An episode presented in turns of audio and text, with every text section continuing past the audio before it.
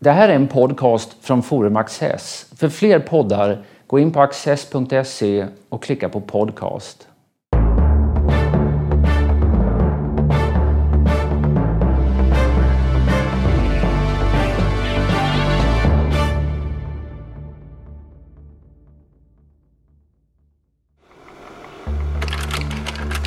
Edith Södergran föddes i kejsardömet Ryssland och dog i republiken Finland. Hon skrev lyrik på tyska och franska, men framförallt på svenska. Dikter som omsider väckte beundran och anstöt med sin språkliga och känslomässiga intensitet. Efter hennes död formade litteraturkritiker och litteraturhistoriker en bild av henne som isolerad och provinsiell. En lungsjuk flicka i en by på landet. I själva verket var hon i högsta grad uppkopplad till sin samtids stämningar och ambitioner, litterära och politiska. Agneta Raikainen, utgivare av Edith Södergrans brev, aforismer och fotografier och författare till Kampen om Edith, biografi och myt, samtalar med Peter Luttersson. Det finns en eh, bild som har blivit traderad av Edith Södergran. Att hon skulle vara en lantlolla som hostade blod. Egendomlig av att ha varit isolerad och i sin isolering.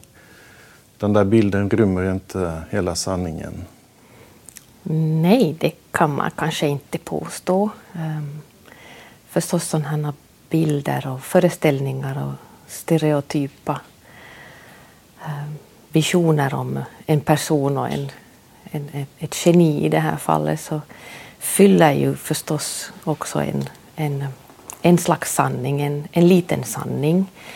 Någonstans kommer ju en sån här bild ifrån men den är ju så förklenande och så förminskande. Och när det gäller Edith Södergran så var hon ju så mycket, mycket mer och egentligen så mycket, mycket annat än just det här. Faktum var ju att hon hade tuberkulos och att hon en eh, del av sitt liv levde i det här lilla karelska samhället Raivola som ligger sydost om Viborg.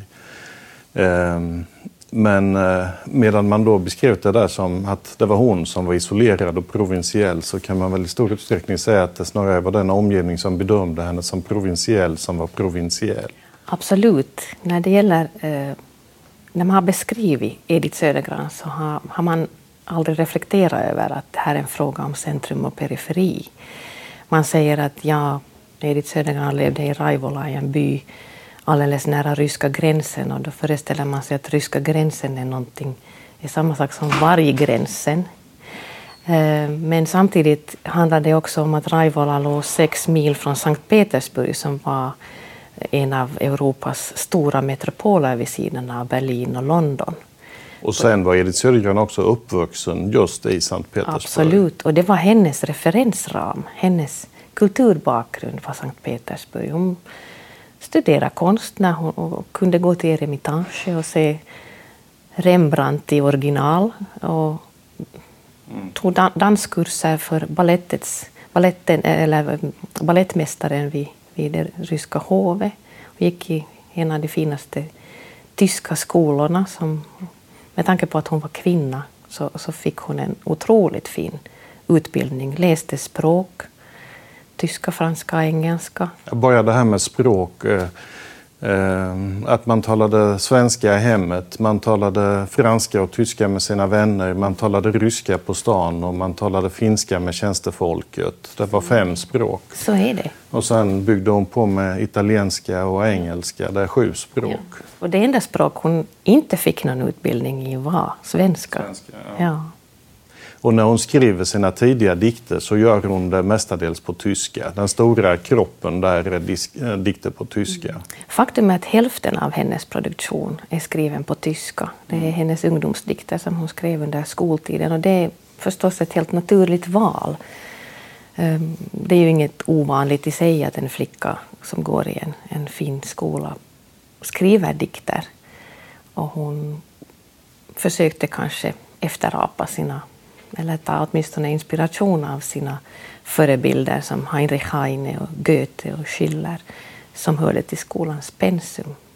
Den tidiga produktionen där, den är, den är kan man säga traditionalistisk och konventionell på det sättet? Den är det och rimmad. Mm. Så att formmässigt är den inte eh, speciellt intressant. Men den är intressant för att det kommer in en, en del tematik som, och, och, motiv som, som, in, som, som hon sen utvecklar i sin senare poesi. Som till exempel en, en önskan att um, uppfylla diktarkallet. Hon, hon, hon försöker forma sin roll som, som lyriker egentligen i den här ungdomsdikten. Det kan man hitta och det finns också på franska och ryska enstaka dikter i den här... En, en rysk dikt. En rysk ja, dikt. Och kanske under tio franska dikter. Och det kallas eh, Vaxdukshäftet, den här bevarade boken. Så är det. Så är det. Det, det, det,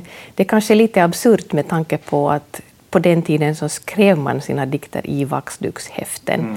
Men för hennes del så har det blivit ett, en benämning på hennes ungdomsdiktning. Och om vi placerar det här i tid lite så kan man säga att hon är född 1892. Ja. Och att hon eh, fick en diagnos på sin tuberkulos när hon var 17 år ungefär. Ja, 1909. 1909. Ja.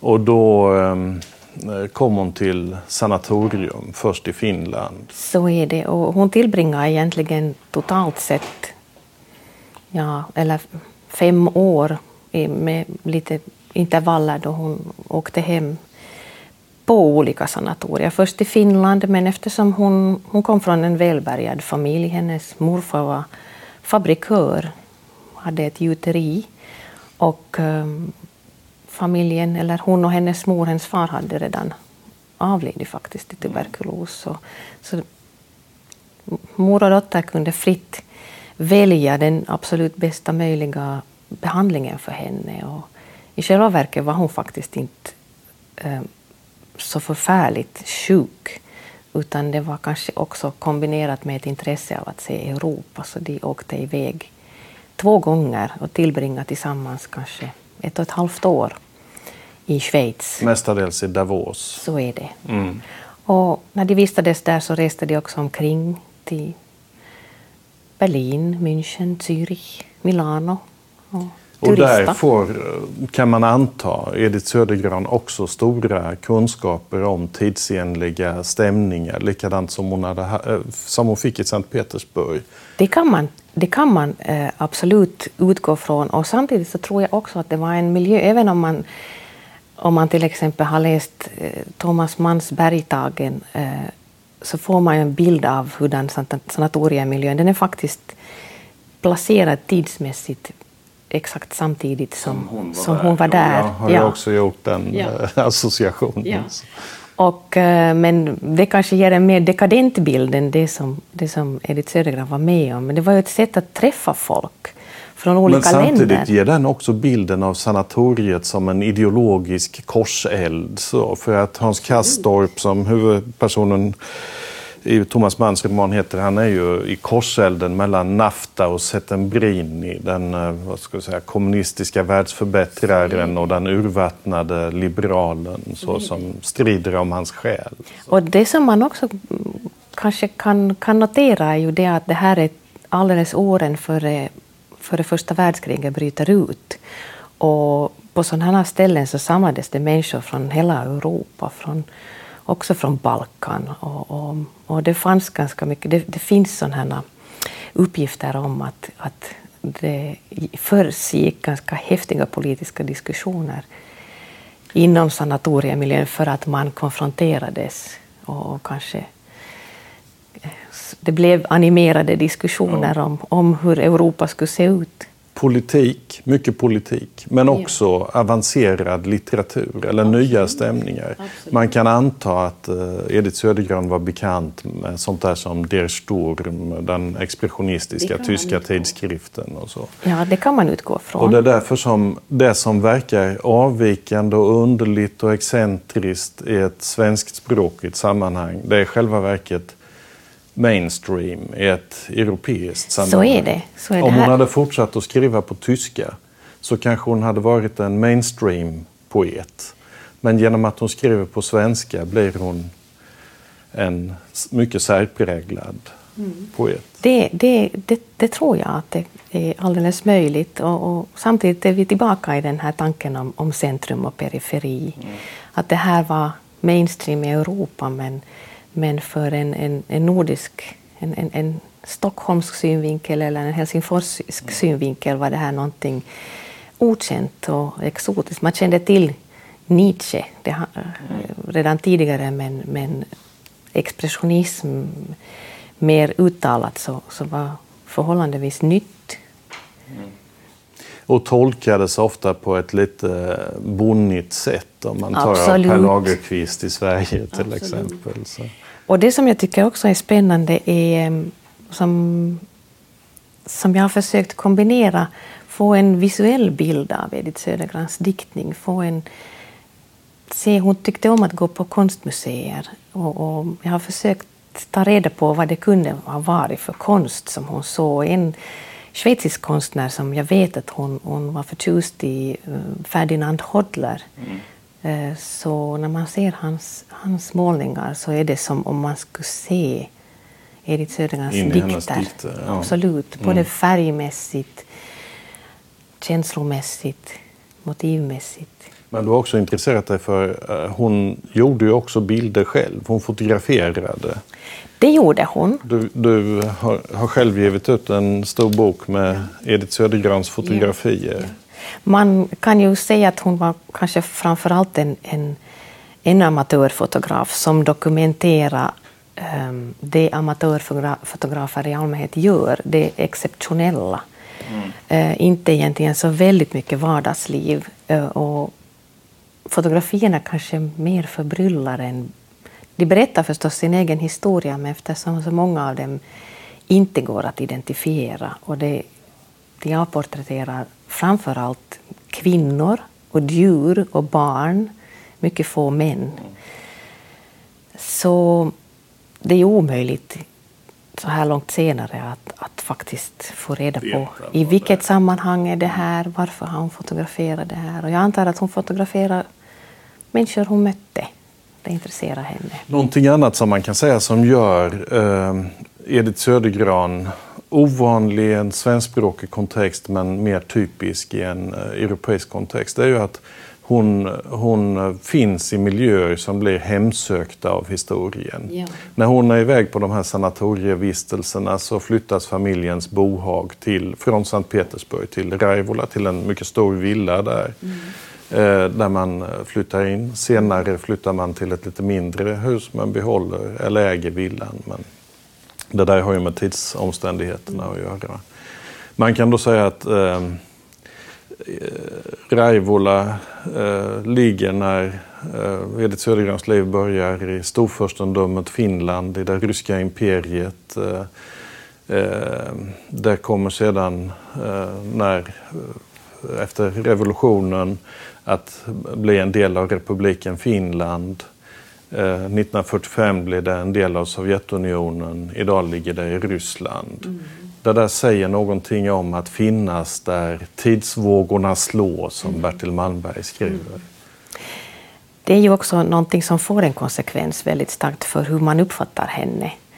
Ehm, förstås en, en utökad tragik i den tragik som redan finns i, i det att hon, hon var sjuk hela sitt, eller en stor del av sitt vuxna liv. Ehm, men också den här tanken om, om gränser och gränsdragningar.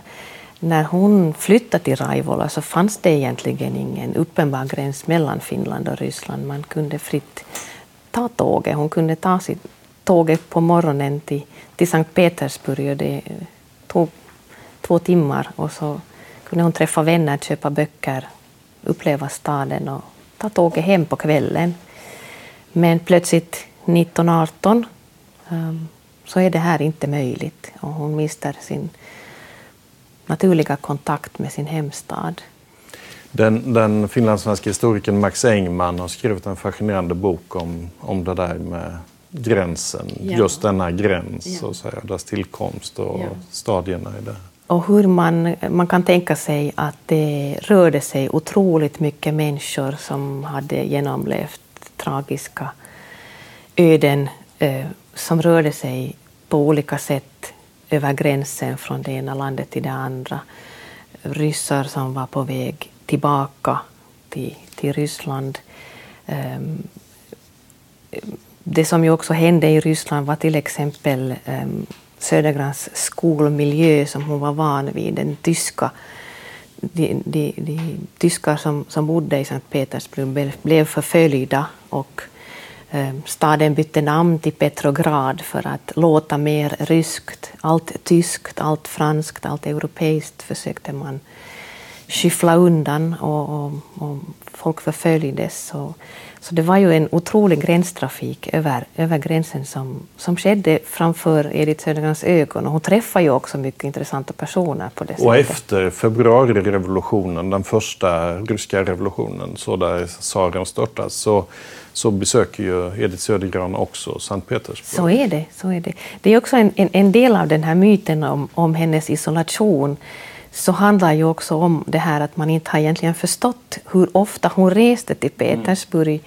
också efter det hon, hon flyttade därifrån. Och hon reste ju också till Helsingfors, men Helsingfors var för henne provinsiell. Provinsen, ja, ja.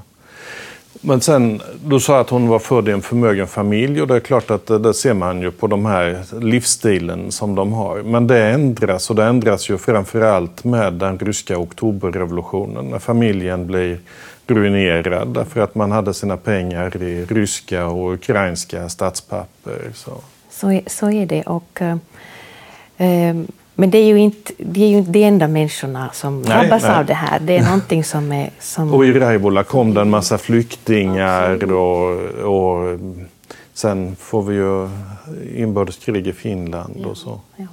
Men också om man tänker på hennes ekonomi så um, hon förlorar sin förmögenhet men det handlar också om eh, dåliga affärsbeslut. Alltså de hade en ganska stor egendom i Raivola som de försökte sälja men, men det gjorde de sedan inte för de tyckte att det var för lite pengar. Mm. Så det fanns på något sätt, när man ser det i efterhand så tycker man att äsch, jag menar de borde ju ha sålt med tanke på vad som hände sen, men det kunde ju ingen veta. Mm. Och under inbördeskriget i Finland så är Raivola först under de rödas kontroll. Så är det alltså under några, några månader. Egentligen hela södra Finland var under de rödas kontroll och det var ju en blandning av, av arbetare från Finland men också um, ryska soldater. Det fortfarande så hade, så det var egentligen inte en, ett helt ren renodlat inbördeskrig. De röda var stödda av Sovjetunionen och de, och de vita av Tyskland. Ja, och, och Raivola var egentligen en, i en nyckelposition för att det, det, det kom stora mängder vapen forslades med tåg från, från Petersburg och lastades av just i Raivola för den, för den röda och senare på våren där så, så eh, tar de vita över och då kommer de också ha den här stora Södergrönska villan som officersbostad. Ja, ja. Så att hon, hon finns nära historien. Och under den här perioden skriver hon Nietzscheanska dikter. Ja. Man kan kanske tycka att det är groteskt att hon skriver också... Man kan tänka sig att det finns en sån här lite krigsförhärligande, bombastiskt Inte så lite. sätt. Ja. Samtidigt som hon ser framför sig arkebuseringar, det fanns interneringsläger i, i, i Raivola. Allt det här som hon ser framför sig. Men att jag, det här är någonting som, som eftervärlden också haft väldigt svårt att, att um, processa för att man har ju väldigt gärna skyfflat in henne i den här follen som den här kärlekssuktande ensamma diktarinnan. Eh, som, som, och så skyfflar man åt sidan det här Men besvärliga. Man, ser man den mer i en europeisk kontext så är det ju snarare detta som är typiskt. Så det här eh, de litterära modernisterna hade ju ofta en väldigt eh, ja, stark dragning till kriget och till styrkan och ett förakt för svaghet och sådana där saker. Allting som finns hos Edith Södergran. Och jag tror att det egentligen, åtminstone hos Edith Södergran, handlar mer om retorik än ideologi. Eh, att det, det, är, det är ett sätt för henne att, att lyfta fram konstnärskapet och konsten i sig och, och göra det på ett nytt sätt in, i en retorisk form. Jag, jag tror inte att hon egentligen var så väldigt intresserad av vad Nietzsche ville säga, för han är ju också en mycket paradoxal um, filosof att förstå vad, vad är det han egentligen menar med det här. Men jag tror att hon fascinerades av hans språk och sätt att uttrycka mm. sig. Och också den här, det här kontinentala sättet att, att nu här kommer konstnären och erövrar världen. Men det handlar ju inte om att göra det med, med vapen. Samtidigt kan man säga att hon har en stark dragning till starka män. Eh, det finns hos henne eh, beundran för sådana som Napoleon och Mannerheim och, eh, som faller in i det där nietzscheanska. Jag, jag, tror att vi ser lite olika på just detta. Det som jag kan se som någon slags protofascism mm. ser du som mer retoriska figurer, att man är förtjust i ett, språk. Men också vetter, eh, låta det vetta mot någonting positivt, nämligen den nya kvinnan. Mm. Mm. Eh, jag tror att ehm, alltså, du har helt rätt i det här att hon dras till, till sådana dominanta, starka ehm, mansbilder. Men samtidigt så tar hon dem till sig först, men sedan förkastar hon dem. Så att hon jag ser det som en process. Mm. På, hon är på väg någonstans, men man vet ju egentligen inte riktigt vart eftersom det sen avbryts så, så abrupt. Så... Avbryts, hon dör när hon är lite drygt 30 år. Ja. Mm.